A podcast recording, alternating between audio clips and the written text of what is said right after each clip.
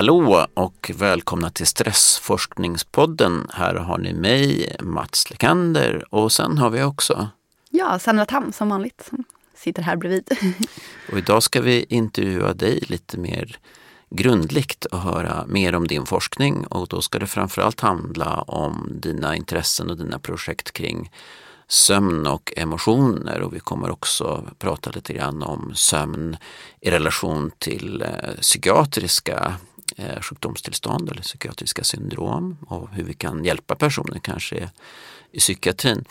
Men då tycker jag att vi allra först ber dig att säga lite grann mer om dig själv.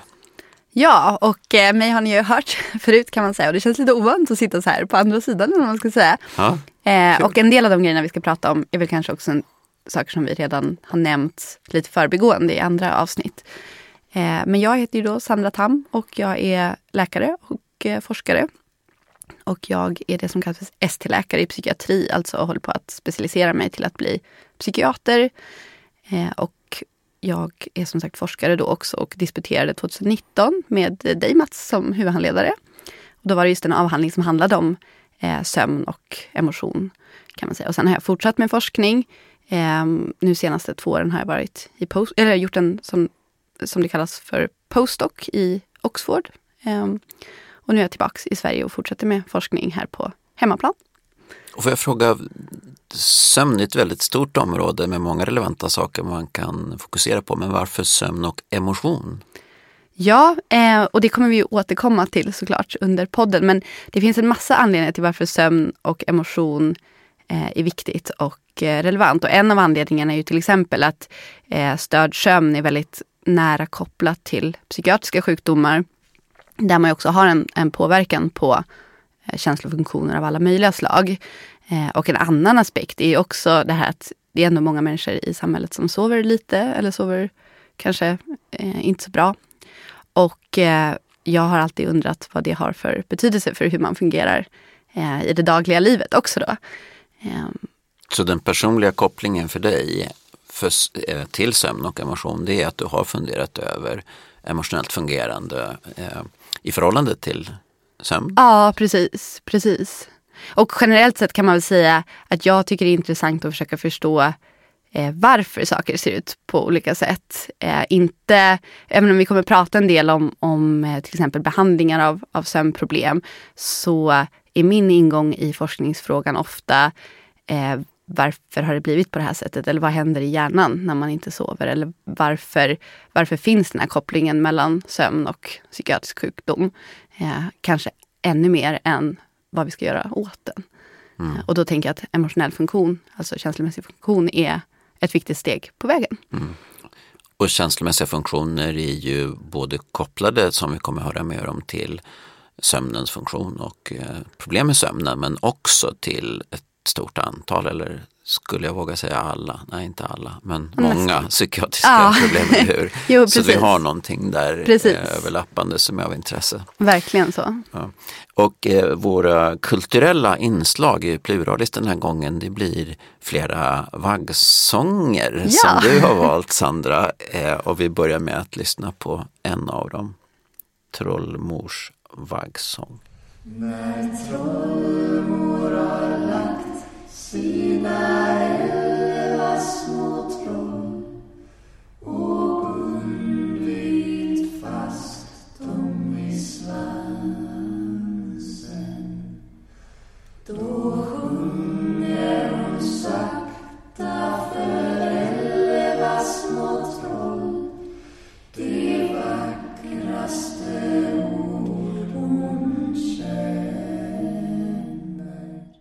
Trollmors vaggsång bundit fast dem i svansen i en textrad där. Varför har du valt den här sången Sandra? Ja, det kan man verkligen. Nej, men jag, jag tycker att, och, och man kan väl säga någonting generellt om varför jag har valt det här med vaggsånger överlag. För jag tycker att eh, dels, dels är det ju, personligen tycker jag att det är mysigt med, med vaggsånger. Och jag tänker också att det är någonting som har funnits länge. Eh, om man, det finns ju en lång tradition av att man sjunger för sina barn då kanske framförallt för att de ska somna. Och just den här vagg, eh, Trollmors vaggsång är dels personligen en som vi har sjungit ganska mycket för, för framförallt vårt eh, lite större barn då.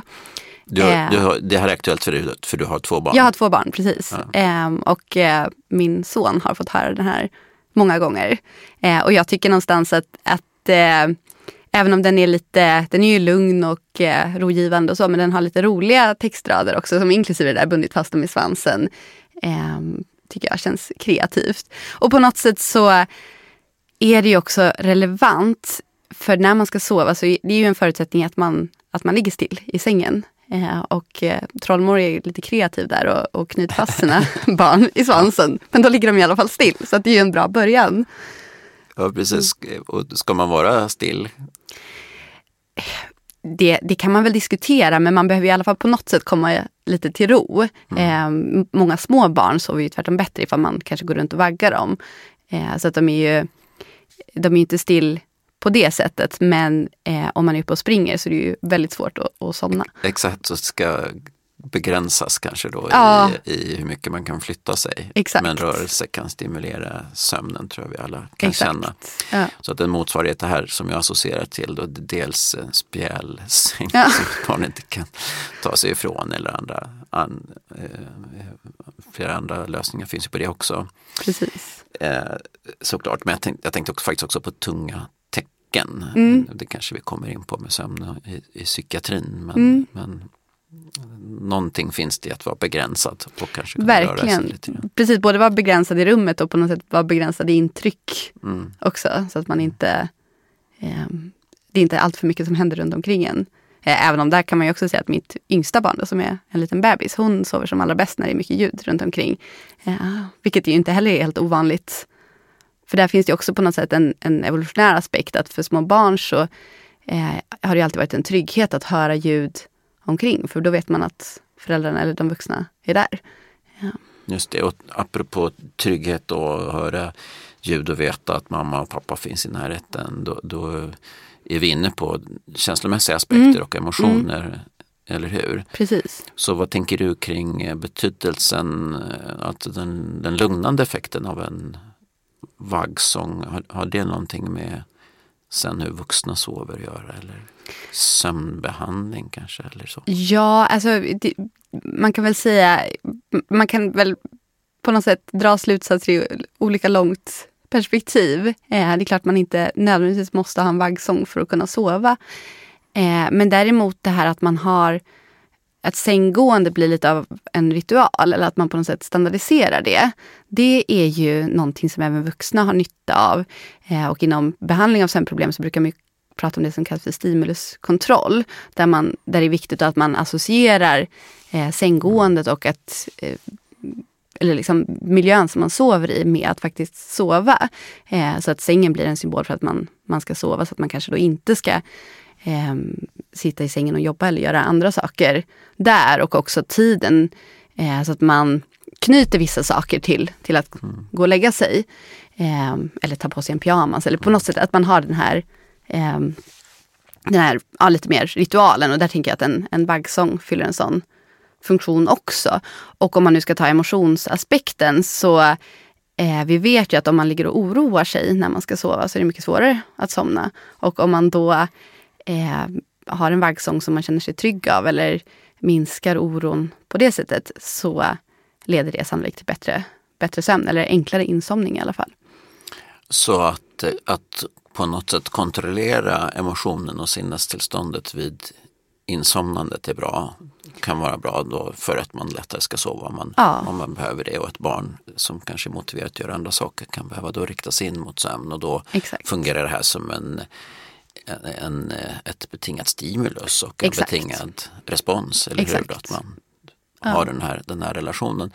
Men det finns ju då den andra aspekten, det är ju att sömnen är viktig för de emotionella funktionerna. Mm. Och här tror jag vi alla i, har många vardagliga exempel. Jag kan avslöja för lyssnarna att Sandra och jag sågs för en halvtimme sedan och drack lite kaffe och båda var lite mosiga. Vi hade helt olika upplevelser som gjorde oss mosiga. Jag var mosig och ganska nöjd. Men eh, vi vet att många dagar så är den där mosigheten förknippad med att man mår lite sämre. Men vad, det här tycker jag man hör så många olika saker. Vad, vad vet man?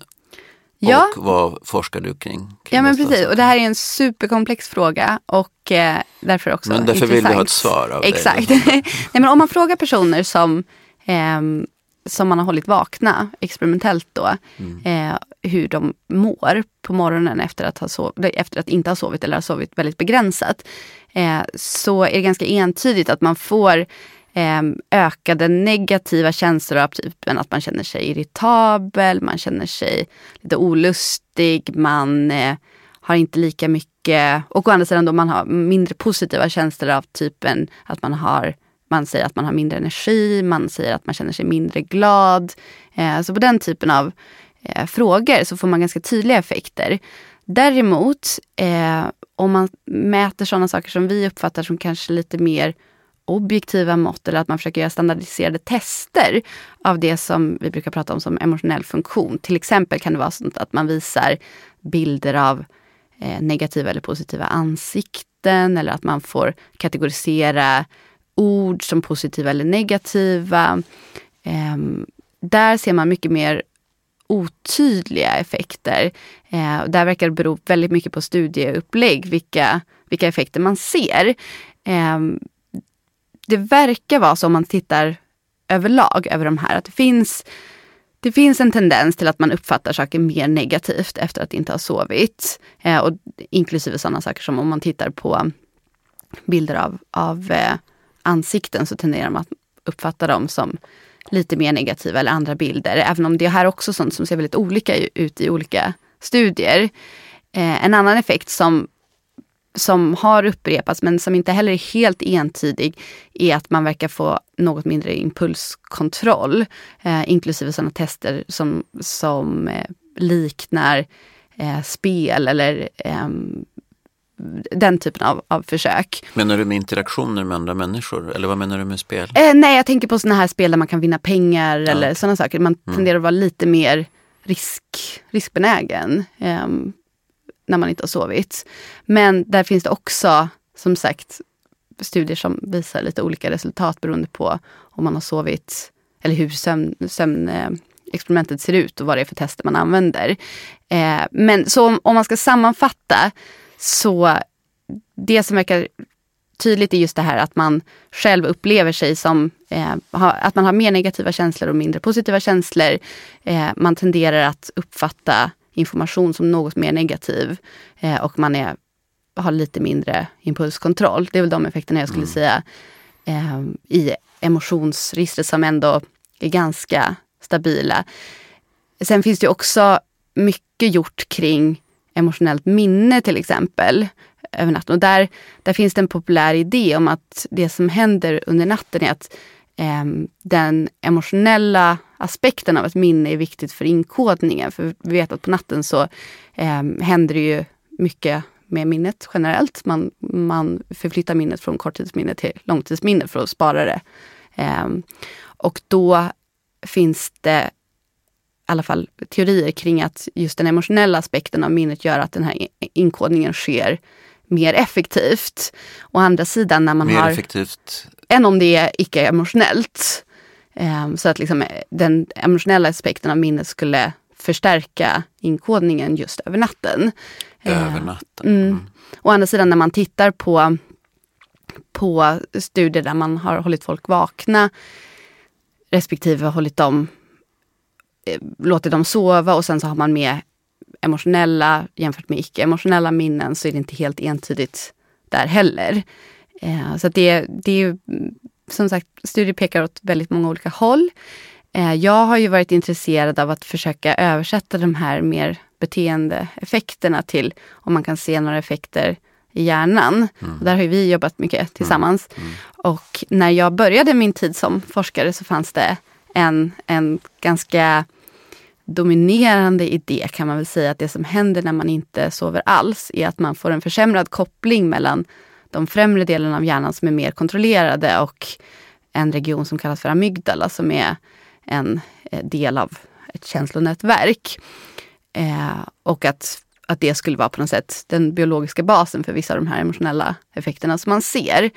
Eh, och där känner jag mig nu efter vad blir det, 10-15 år i, i branschen väldigt skeptisk mot att den teori, teorin skulle vara eh, att den, den skulle, verkligen skulle vara den sanna förklaringen för att det har kommit väldigt mycket nya data där man inte ser de här sambanden. Och teorin är då, om vi sammanfattar, att, att vi har efter sömnbrist så har vi sämre förmåga att med delar av frontalloben kontrollera eh, emotionella styrsystem i hjärnan eh, och framförallt amygdala. Exakt, då. Det, exakt. det är teorin. Ja. Och du har ju haft en skepsis faktiskt mot det här väldigt länge. Ja. eller, kanske, kanske för att teorin låter lite för bra för att vara sann eller lite lite- för enkel och då kan man bli misstänksam som klok forskare tycker jag. Men det här Precis. minns jag väl och nu har du gjort en vad jag tror är den största studien någonsin om, om emotionella funktioner och de här nätverken i Ja. hjärnan, eller hur? Kan du berätta om det? Precis, att det som, det som vi gjorde i samband med mitt avhandlingsarbete, då, då hade vi ju personer som var normalt sett välsovande och som vi eh, undersökte vid två tillfällen. En gång när de hade sovit bra och en gång när de hade sovit bara fyra timmar. Och sen undersökte vi emotionell funktion på tre olika sätt där personer fick titta på olika bilder. Ett experiment där vi bad om att eh, ja, vi var intresserade av att försöka förstå hur man uppfattar andras känslor som en del i, i empati kan man säga. Och ett experiment där man mer eh, utan någon särskild instruktion bara fick, fick se eh, ansiktsuttryck av olika slag. Och sen så hade vi ett experiment där man aktivt skulle försöka reglera sin känslorespons. Och vi hade eh, en del effekter i hur försökspersonerna betedde sig, även om de var ganska små. Eh, men i linje med ett sånt här negativitetsbias som var det som jag var inne på tidigare, nämligen att man tenderar att uppfatta eh, stimuli som mer negativa efter att ha sovit kort eller inte alls. Däremot när vi tittade på hjärnfunktion så såg vi inga mätbara effekter överlag i något av de här experimenten. Och jag har ju följt upp det där sen och tittat mer eh, i väldigt stora material. Där man, eh, nu nyligen har vi tittat i ett material där vi har 30 000 personer som har gjort ett annat sånt där experiment där man tittar på negativa eh, ansiktsbilder. Och sen så har personen också fått rapportera sin, sin sömn. Eh, och då ser man inte alls de här effekterna heller. Utan om det finns en effekt så går den i, i omvänd riktning mot det som man tidigare har trott. Och ser man det på beteenden, ser man en effekt på beteendenivå men inte att eh, frontallobernas eh, konnektivitet till amygdala ändras? Ja, i, i just det här datasättet så, har, eller så finns det inga beteendemått med. Alltså att vi vet inte vad, hur försökspersonerna har uppfattat hela situationen. Nej, utan det är nej, bara... men bara den här-. Det här som har blivit en sanning nästan med eh, frontallobs amygdala disconnect. Ja, det, det kan inte vi se Nej. i, i det datasättet heller. Ehm, Men ja, det är ju väldigt viktiga och intressanta data. Verkligen. Och, verkligen. Och det är UK Biobank Ja, som har precis, gjort det här i, i ett väldigt stort material då i Storbritannien. Precis, och man kan, det är ju alltid en stor skillnad på hur forskningen är gjord. Eh, för att de studierna som du och jag har gjort, där har vi ju gjort en experimentell manipulation. Alltså att vi har tagit personer och ändrat deras sömn. Medan i det här stora materialet med 30 000 personer, där har vi bara tittat på hur det ser ut utan att göra någonting. Så att vilken typ av, av vetenskapliga slutsatser man kan dra skiljer sig. Eh, men jag tycker ändå sammantaget att, att det finns väldigt Att mycket som... talar emot. Ja. Men det du menar är att när de, när de låg i magnetkameran då i UK Biobank-studien, då hade de inte en uppgift att reglera emotioner. Men nej. de, de tittade på ansikten, Precis, de- Så det precis. var en emotionell Ja, uppgift? det var en, upp, den var en emotionell uppgift och deras, den uppgiften de hade var att titta på de här ansiktena och matcha dem med, med andra ansikten. Mm.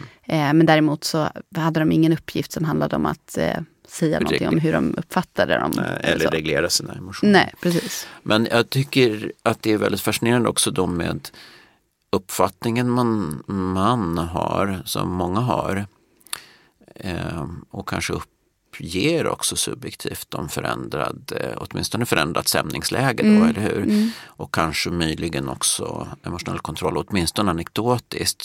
Och sen så ja, men jämför det med de objektiva testen som du beskriver.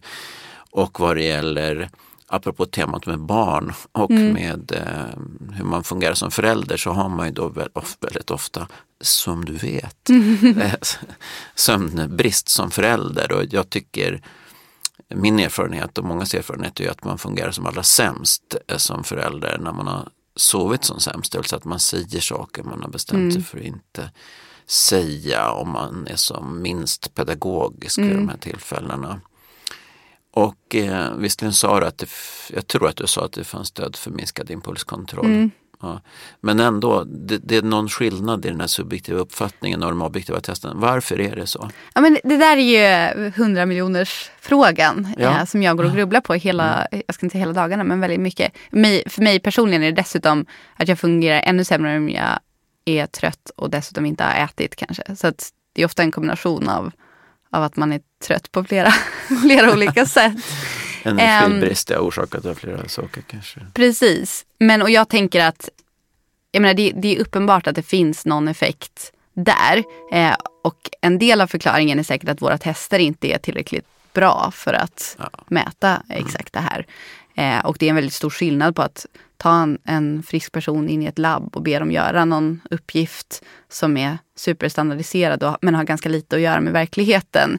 Jämfört med att eh, ta en, en småbarnsförälder och eh, placera ner i det här vardagskaoset.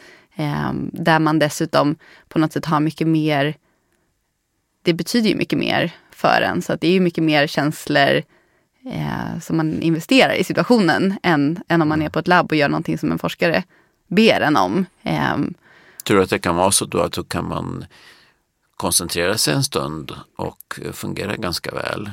Och, och att det också är en stor konceptuell skillnad mot Ja. det vardagliga livet. Jag tror det. Och jag tror att det på något sätt är på gott och ont. För att jag menar alla människor som, som blir utsatta för, eller som, som är med om, om något väldigt svårt i livet, liksom, om man flyr från ett krig eller vad som helst.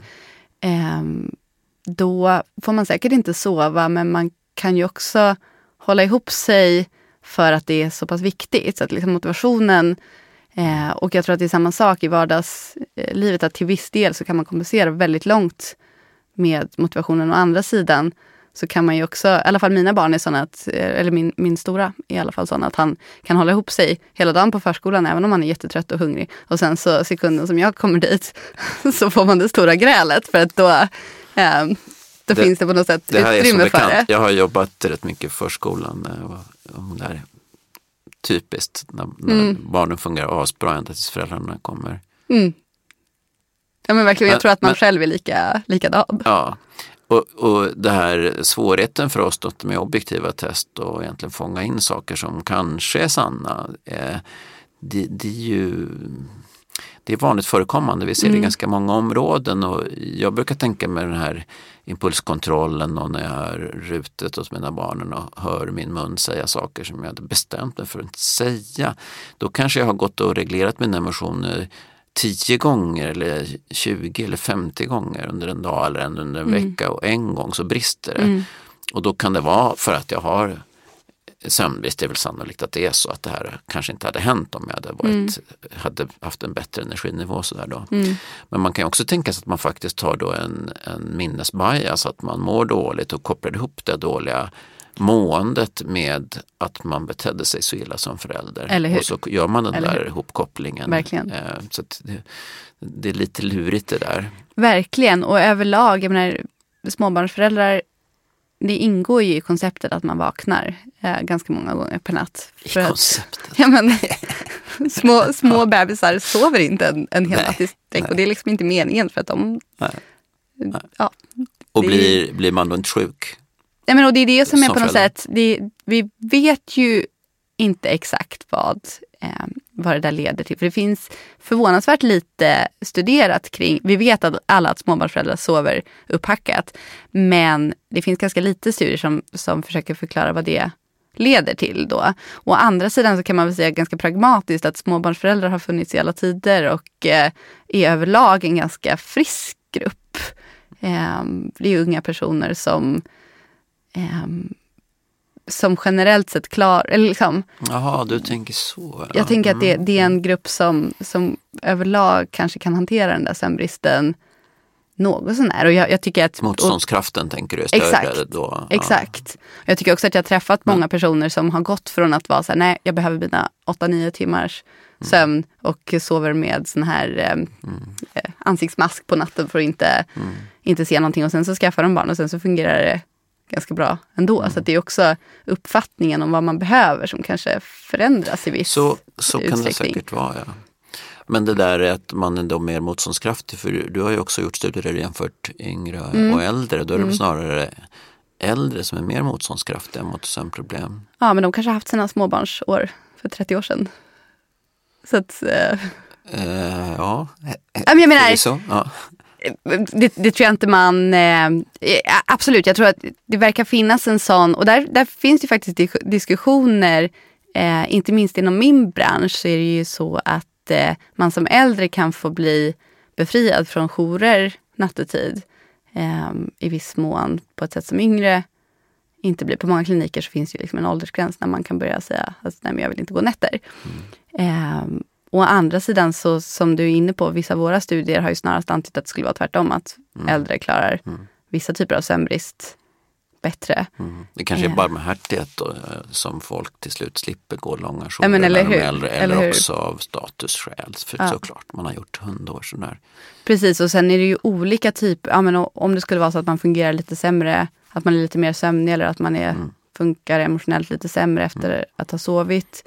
Så kanske inte, det kanske inte är hela världen att det är så under en period. Um, så att man i viss mån kan kompensera för det när man då har småbarn eller, eller sådär. Ja men visst, man kanske kan kompensera för det i alla fall men motivationen då till att kompensera för det är väl otroligt stark när man ton, dels har en älskad person man tar hand om men också eh, på något sätt överför sina behov mm. till barnet. Mm, så då, då, blir det lite som att man nonchalerar eh, känslan i kroppen. Verkligen. Och på något sätt, även om det där vi var inne på att, att äldre skulle ha på ett sätt mer motståndskraft så som, som en 30-åring så rent fysiskt så är man ju ofta starkare än kanske en 65-åring i många avseenden. Eh, så att vissa saker, att bara liksom klara, ja, få vardagen att fungera, eh, kanske man kan göra trots att man inte har sovit på ett annat sätt än, än, än vad man skulle klara eh, i en annan ålder ändå. Så, tänker jag. Just det. Eh, så, och man kan tänka sig att åt inställningen och eh, motivationen då med ett barn och så kan, mm. kan spela roll då. Jag tänker att, att vi ska lyssna på en till sång som mm. berör det här temat lite grann. Och nu ska vi lyssna på Vargsången med mm. text av Astrid Lindgren och musik av Björn Isfält.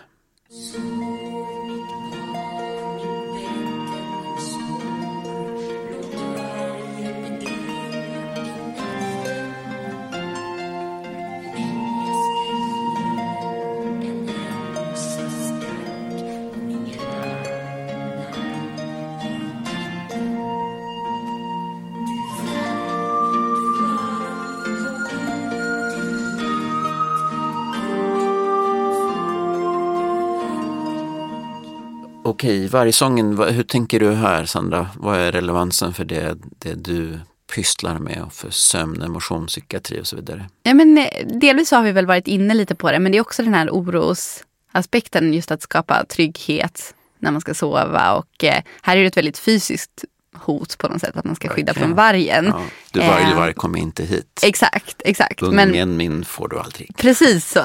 Eh, men jag tänker att i lite mer överförd betydelse mm. så eh, ja, men som vi var inne på, att, att man ska känna sig trygg, man eh, minskar oron eh, för att kunna sova bättre. Och vi vet ju att det är en stark koppling mellan sömn och oro. Just eh, det här andra perspektivet som jag har, som är mer det kanske kliniska eller, eller psykiatriska perspektivet, just kopplingen mellan sömn och psykiatriska tillstånd. Att vi vet att eh, bland patienter som har psykiatrisk problematik inklusive oro, ångest, depression så är sömnstörningar regel snarare än undantag. Om man går in på en, en eh, psykiatrisk klinik så kommer ungefär 90 procent av alla patienter som ligger inlagda där att ha sömnproblem. Eh, och tvärtom också.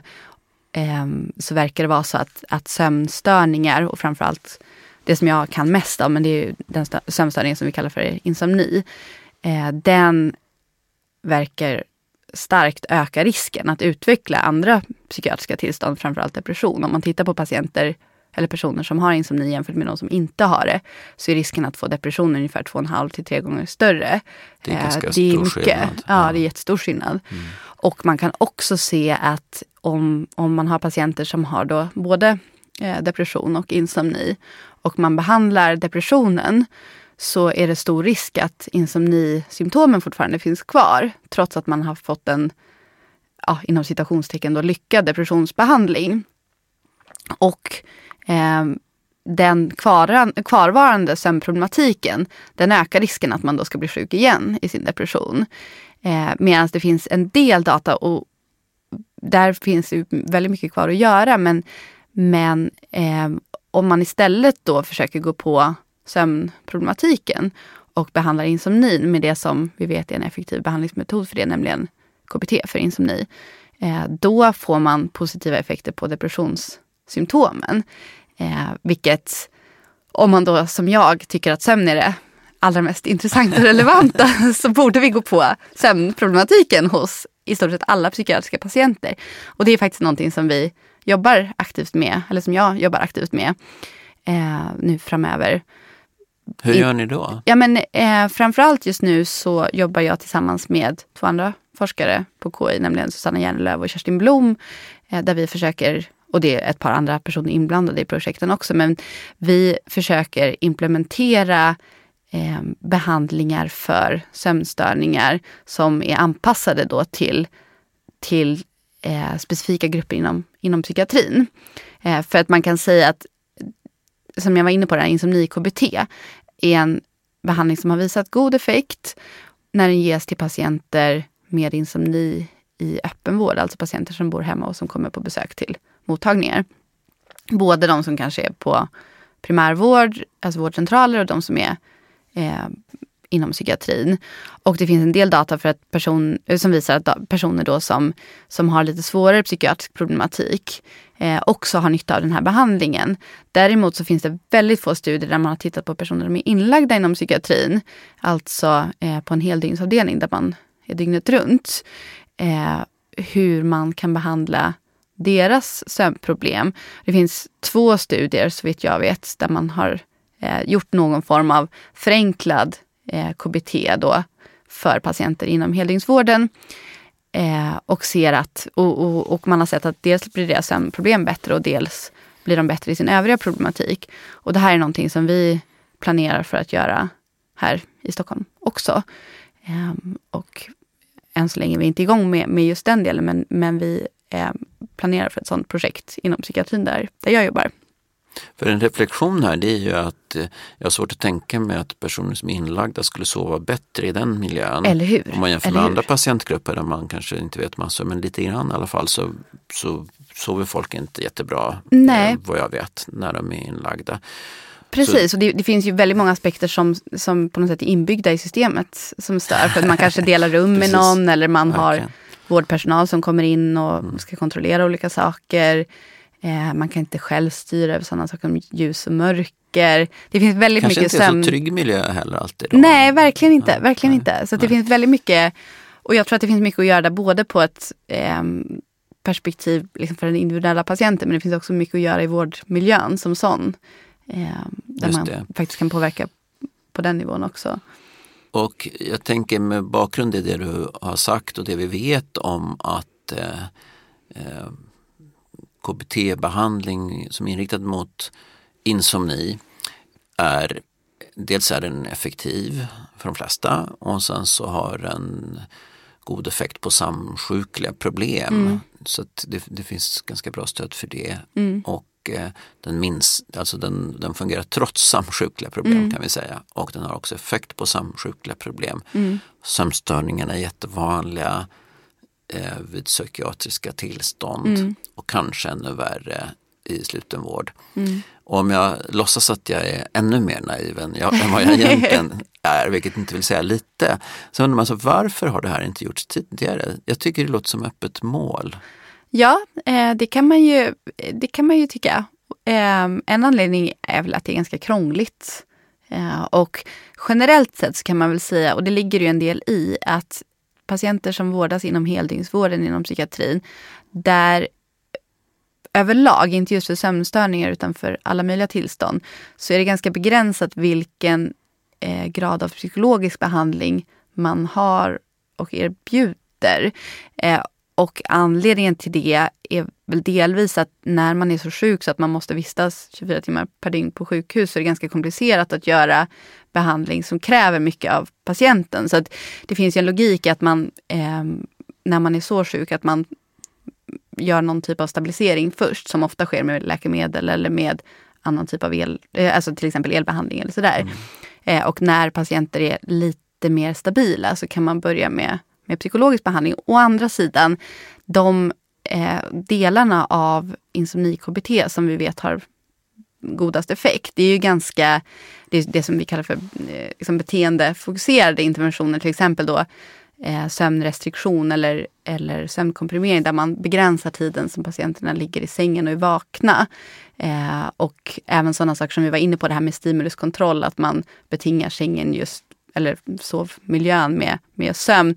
Och det är väl sånt som vi tror att, att även många patienter inom heldygnsvården faktiskt kan klara av med stöd. Eh, men jag, jag, tror att det är mycket som jag tror att det är de här två aspekterna. Dels att det, det faktiskt är krångligt och dels att det finns en tradition av att eh, man inte har så mycket psykologisk behandling inom heldygnsvård, på gott och ont. Eh, skulle jag säga. Jag tänker att personer med eh, dåliga förutsättningar för vissa saker i alla fall, eller försämrade förutsättningar för vardaglig funktion eller att ta sig ur en problematik, klara av en behandling och så. Det underlättas inte direkt av att man har sömnproblem som nej, egentligen nej. är eh, väl behandlingsbara. Verkligen, verkligen så. Ehm, och jag tror också att eh, det finns ju också på något sätt en, där tror jag vi inom sjukvården har gjort ganska mycket skada för en del av patienter, både inom psykiatrin men även på andra eh, kliniker att man tänker att när patienter ligger inne på sjukhus då vet vi att de sover dåligt och då är lösningen ofta att ja, men då ger vi tillfälligt sömnmedicin. Eh, och det kanske vi ska prata om mer sen också. Mm, men då, då finns det en risk att man kanske ger en kortsiktig lösning som på lång sikt egentligen blir ett problem eh, istället för att hantera själva sömnproblematiken mm. på, ett, mm. på ett bra sätt. Men du, eh, om vi backar bara lite grann, den här kopplingen som finns mellan insomni, eh, som ju då är, ska vi säga, eh, svårigheter att somna eller att man vaknar mitt i natten eller vaknar för tidigt och att man har den här subjektiva besvären kring att, att, sömnen in, att man är trött helt enkelt. Precis. Om vi har den kopplingen mellan insomni och till exempel depression, vad tror du är Eh, Eh, mekanismen bakom det och vad tror du är orsak och verkan? Mm. Det är en jättebra fråga och det är ju det som många av mina forskningsprojekt just nu handlar om att försöka förstå. Och jag har försökt angripa det där problemet på flera olika sätt för att jag tror inte att det, dels så tror jag inte att det är exakt samma mekanism för alla kanske, utan det finns nog olika aspekter som spelar in. Eh, om man ska återkoppla till det här med emotionell funktion så är det en sån mekanism som jag har varit intresserad av att studera. Är det så att om man har långvarig sömnstörning, att det till exempel insomni då, att det påverkar hur ens emotionella reglering till exempel fungerar och att det i sin, del, i sin tur skulle leda till depression. Och där har vi precis nu avslutat en studie eh, där vi har undersökt exakt det. Men vi har inte fått data än, så jag kan inte svara på om man ser dem samman. Det finns lite som talar för att det skulle kunna vara så att patienter med insomni, även utan depressionssymptom, har att deras emotionella funktion skiljer sig lite grann från personer som inte har insomni. Och det skulle ju kunna då vara, tala för att det är en sån mekanism. Men jag känner mig inte övertygad än om att, att vi kommer se de här effekterna i, i till exempel min studie. Eh, men det skulle kunna vara en möjlig mekanism. En annan mekanism som har föreslagits på sina håll är ju någonting som du är intresserad av, nämligen det här med inflammation. Att störd sömn skulle kunna påverka immunsystemet och att det i sin del skulle kunna eh, ge depressionssymptom. Och det kan nog vara sant för, för vissa, eh, men jag tror inte att det förklarar hela det här sambandet. För det är också ganska det är ju ändå en, en, mindre del av depressionspatienter som har en påverkan eh, på inflammationsgrad. Och det är inte eh, jättestora effekter Nej, får vi väl ändå säga precis. när man har stört sömnen experimentellt hos personer eller tittat på personer med sömnstörningar. Om man tittar i blodet som är det som är tillgängligt ja. så, är, så är det inte så stora effekter Nej, exakt, på inflammationsparametrar. Exakt. Även om vi inte vet vad som händer i hjärnan. Precis. Eh, och, så det är ju liksom en annan möjlig som väg. En tredje förklaring är ju helt enkelt att personer som har insomni har en ökad sårbarhet för att utveckla depression. Eh, att det, det, det, Och att det är sårbarheten i sig som leder till mm. insulin. Så att det inte är en direkt koppling utan en, en indirekt koppling. Det finns ju även genetiska data ja. som talar för att, att, eh, att det finns överlappande mekanismer och att Precis. det är liknande hjärnområden som också är implicerade i, för, som skulle kunna göra att de här liksom hänger ihop. Exakt. Det visar sig som det ena eller det andra eller både och så att säga. Exakt. Men och sen får... tänker jag också att den, den, fjärde mekanismen som man ändå måste lyfta är ju på något sätt att att störd sömn antagligen kan påverka övriga hälsobeteenden. Till exempel om man sover dåligt så är det större risk att man äter ohälsosamt. Och där har man sett att om man stör sömnen så får man en ökad aptit och särskilt för lite sådana mm. onyttiga saker, ja. man ska säga. Och man, eh, man har ju, förlåt att jag avbryter, men jag tänker att där har man ju en motivationsaspekt också. Om ja. man har störd sömn och är tröttare, då är man ju inte lika motiverad att Nej. faktiskt då, eh, röra på sig till exempel Exakt. av naturliga Exakt. skäl. Exakt. Fortsätt där jag avbröt. Nej men, men precis, så att jag, jag tänker exakt sånt att man får sannolikt fler negativa hälsobeteenden och färre positiva hälsobeteenden överlag om man sover sämre på lång sikt. Ja.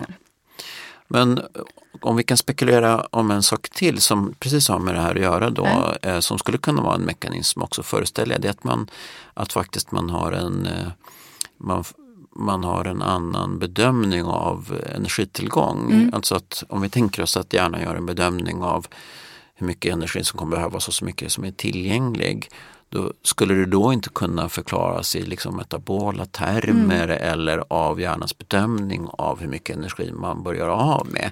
Och om man då går med sömnbrist väldigt länge så föreställer jag mig att det här skulle kunna bidra till ett mer depressivt beteende Säkert. också. Säkert. Att man ändrar Verkligen, verkligen. Det, tror, det tror jag också. Och där, eh, det som är svårigheten där är väl på något sätt att skilja ut vad som är liksom, vad, vad är den optimala nivån av reglering på något sätt?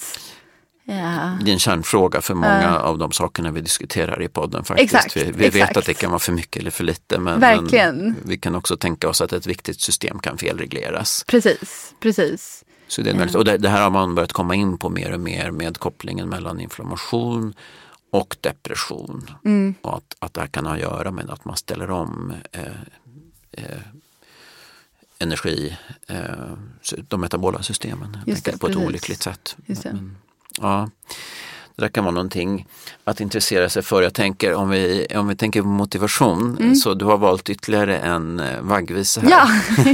som heter Jag vill inte sova, jag är pigg.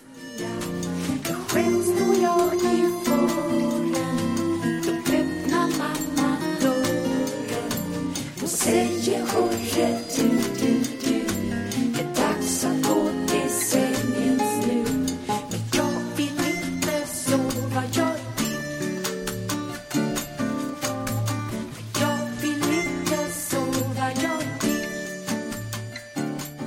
var My och Mats som sjöng. Varför ja. har du valt den här sången? Ja, men den här sången är faktiskt den sången som min son Adrian oftast lyssnar på när han ska sova just nu och har varit det senaste, senaste åren. Det är hans, eh, om, om vi pratar om godnattmusiken så är det den här sången. Tror han känner igen sig i texten eller ja, jag i tror musiken? Det. Jag tror det och framförallt så känner jag igen hur våra kvällar brukar se ut. Berätta. senast igår så när, när han skulle sova så det var ju så många saker som vi var tvungna att fixa innan. För mm. gosedjuren låg på fel ställe och eh, sen så, så precis när vi hade krupit ner i sängen så såg han också ett knippe med såna här piprensare som som ju var jätteroliga att leka med precis då när det var dags att sova.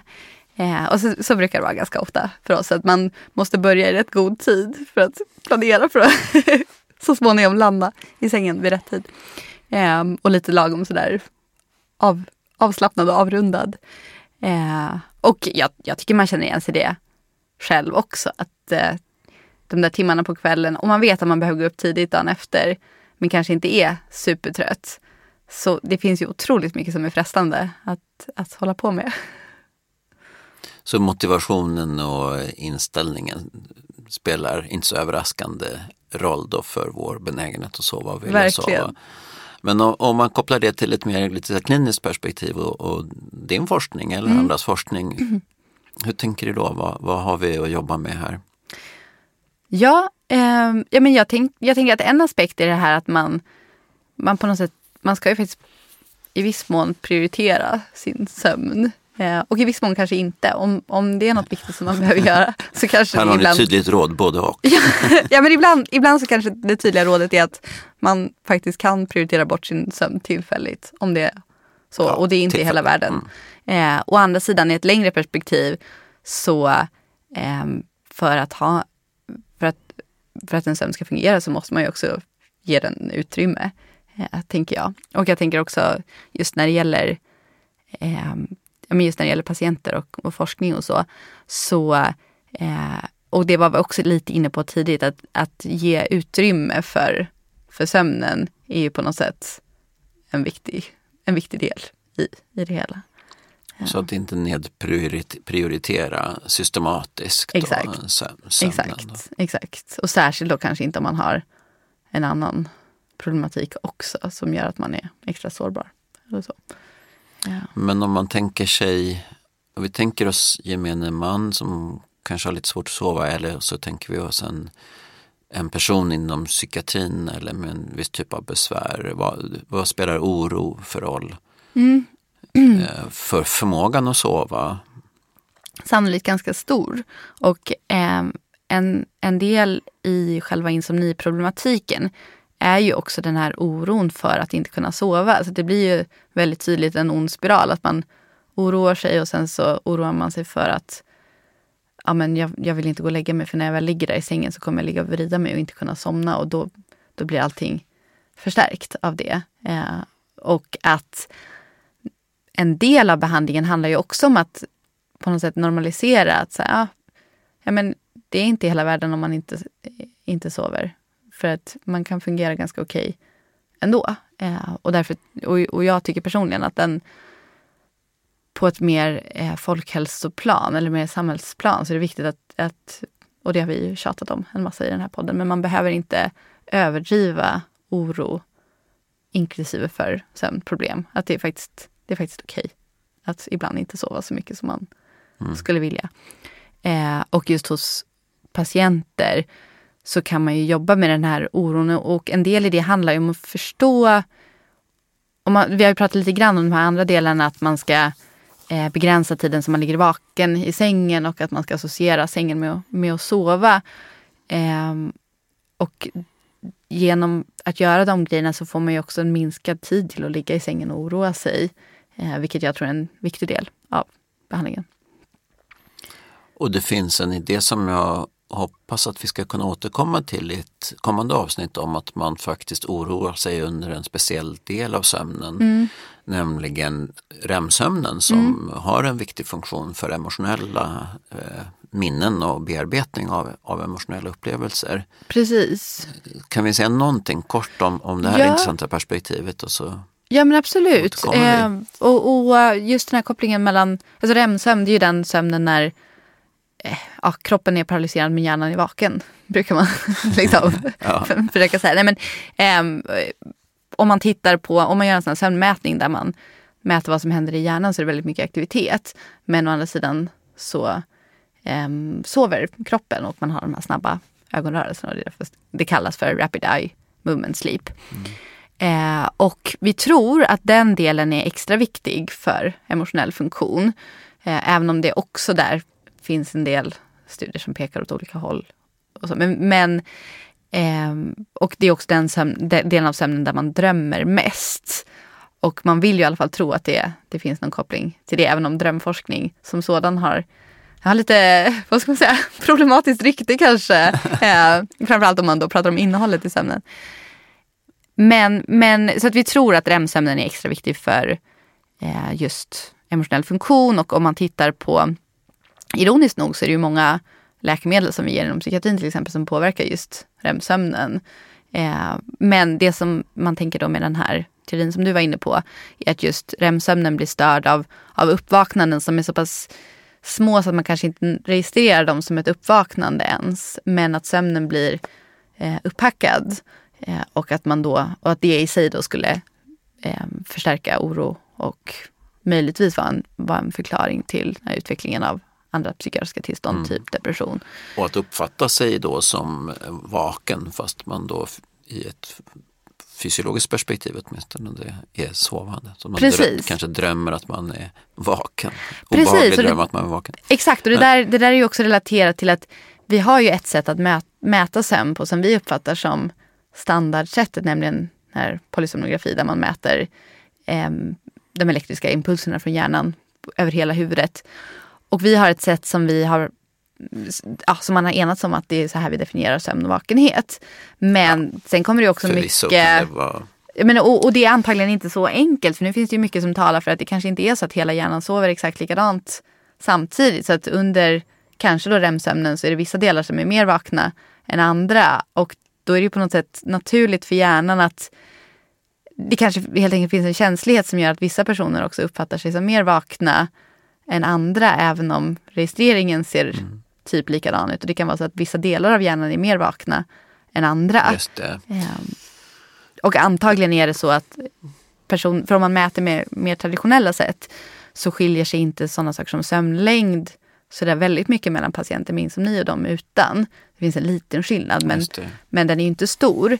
Medan däremot om man mäter med sådana mer, mer detaljerade mätningar så, så verkar det vara så att patienter med insomni kanske har lite fler av de här eh, små uppvaknandena som det inte är säkert att man ens registrerar. Som du var inne på, att man kanske drömmer att man är vaken eller att man är, ja, som är lite sådär på gränsen. Mm. Eh, det här är ju alldeles fantastiskt intressant Eller hur? tycker jag. Och eh, vad säger du om att vi har det här som en cliffhanger och så gör vi en djupdykning. Verkligen. Här. Då kan vi koppla eh, både den här funktionen i hjärnan, det här tillståndet eh, när vi har REM-sömn till, behandlings, till effekter av ja. insomnibehandling och till stress. Ja, exakt. Att, exakt. Ja, mycket fascinerande. Och, men du nämnde här också då medicinering som mm. vi avslutningsvis pratade lite om sömnmedicin. Ja. det här med KBT som det tjatas om, kan vi inte bara medicinera? Eh, kanske, in, kanske inte bara. Men eh, och, och, jag menar, det här är också en, det, det, här är inte en helt enkel fråga att svara på. För att eh, det finns ju, för det första finns det flera olika sömnmediciner som fungerar väldigt olika och som har olika effekter både på kort och lång sikt.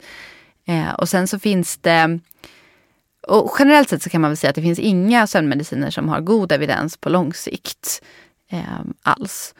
De, när, det, när det gäller mer kort sikt så finns det en del som talar för att de, det som man kanske betraktar som de starkaste sömnmedicinerna, som är de som kallas för Z-preparat eller bensodiazepin liknande. De brukar ge en effekt på sömn eller insomningstid och insomnande eh, akut. Så att om man ger dem en vecka eller sådär. Problemet är att den där effekten mattas av eh, ganska snabbt. För de, de tillhör ju en, en grupp läkemedel som är beroendeframkallande och narkotika klassade eh, där det oftast finns den här tillvänjningen. Så att de, de, positiva effekterna försvinner om man tar dem under en längre tid. Och vad har man kvar då? Ja, då har man ett eh, läkemedelsberoende kvar om man ska vara krass. Ja. Eh, och vad har man för negativa effekter förutom att man är beroende som i sig inte är något positivt? Nej men precis. Nej, Jag men, antar att det inte är gratis. Nej, det är inte gratis. Eh, och framförallt Dels, alltså vi, vi vet ju inte fullt ut. Men de här läkemedlen är väldigt liknande det som eh, kallas för bensodiazepiner som är kanske mer studerade. Eh, även om, för de här Z-preparaten de kom som ett svar på bensodiazepiner där tanken var att de skulle ha samma positiva effekter, att man blir lugn och sover bättre. Men eh, inte ha lika mycket beroendepotential. Och sen har det visat sig att de är i stort sett lika beroendeframkallande. Men och det man ser eh, som negativa effekter det är att eh, man kan få en del kognitiv påverkan så att man tänker lite trögare av dem. Eh, och man, till exempel för äldre personer så ökar ju fallrisken om man står på den typen av mediciner. Eh, och ja, men som sagt beroendeaspekten i sig är ju eh, Allvarliga. jätteallvarlig. Och mm. eh, det här vet vi inte 100% än men men vi tror att det kan till och med vara så att användning av vissa av de här medicinerna på sikt ökar risken för depressiva symptom. Eh, ja, där har man sett, om man tittar på data från läkemedelsstudier där man har jämfört eh, de här sömnmedicinerna mot placebo. Eh, och studierna var inte alls utformade för att studera just det, men om man tittar på det datat så, så finns det till och med eh, en ökad frekvens av självmordsförsök i den gruppen som fick de här läkemedlen på sikt. Så eh, den typen av läkemedel är ju i mitt perspektiv väldigt problematiska. Å andra sidan i ett akutskede, särskilt hos patienter med väldigt svår psykiatrisk problematik, så är det, kan det vara en lösning. Mm. Eh, och särskilt kanske patienter som har till exempel en bipolär sjukdom som är på väg in i ett maniskt skov, där behandlingen är ju att de måste sova. Eh, mm. Då, då finns det ju Mm. Ett skäl till att, att skriva ut dem. Och jag tänker att eh, det här är på ett sätt ganska likt så som vi ser med vissa smärtstillande läkemedel. Att det finns ett användningsområde akut men att det finns en, ett stort problem med, med mm. långtidsförskrivning. Mm. Och där är också min kliniska erfarenhet från till exempel när man är ute på vårdcentraler att det finns väldigt många patienter som står på de här läkemedlen mm. och antagligen inte har någon som helst positiv effekt av dem men eh, får dem förskrivna bara för att man kanske inte har ett ett bra alternativ. Och när man tittar i stora studier och ser samband mellan sämre sömn eller insomni och risk för olika hälsotillstånd, mm. ohälsotillstånd mm. längre fram, har man kunnat justera för läkemedelsanvändning eller skulle det kunna mediera en del av effekten? Det, eh, det, det, finns både studier som har justerat för den effekten och de som inte har det. Om man ska återgå till den här UK Biobank som är ett, eh, ett stort material som jag har tittat lite på i i, som är en engelsk studie då. Där kan man se att just användning av sömnmediciner är en mycket starkare prediktor, alltså en, en faktor som ökar risken för depression än sömnproblemet i sig. Mm. Eh, vilket skulle tala då för att det finns en, en mm. effekt som Och för går via. andra, andra ohälsotillstånd, är det undersökt också? Jag är lite osäker där faktiskt. Mm. så jag passar på den tror jag. Mm, mm bra. Men vet du vad?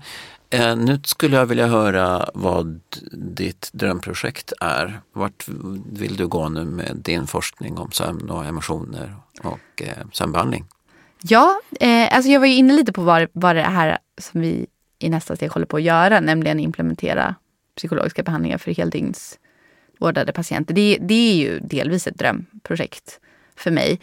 Eh, när vi dessutom kan utvidga det till att lägga in någon typ av mått som försöker förklara den här effekten. Då börjar vi närma oss mitt dröm, ja, drömprojekt. Ja. Och, och, det är väl dit att jag är på väg överlag. Att jag vill jobba med forskningsprojekt i en klinisk miljö. Men jag vill samtidigt ha kvar kopplingen till att förstå mekanismerna. Mm. Det här väcker så otroligt många frågor och dels tänker jag att vi får faktiskt återkomma till ämnet, eh, till exempel om medicinering och mm. tillämpningar i mm. psykiatrin. Mm. Och jag tänkte faktiskt att vi efterlyser eh, lyssnarfrågor här också. Då kan man skicka dem till mats.lekander.su.se eller sandra.tam, T-A-M-M, eh, su.se ja. och så tänker jag att vi gör en uppföljning kring det här. Eh, tack så jättemycket Sandra för ditt bidrag här i Stressforskningspodden. Inte bara som programledare utan nu också som stor expert. Tack! Tack!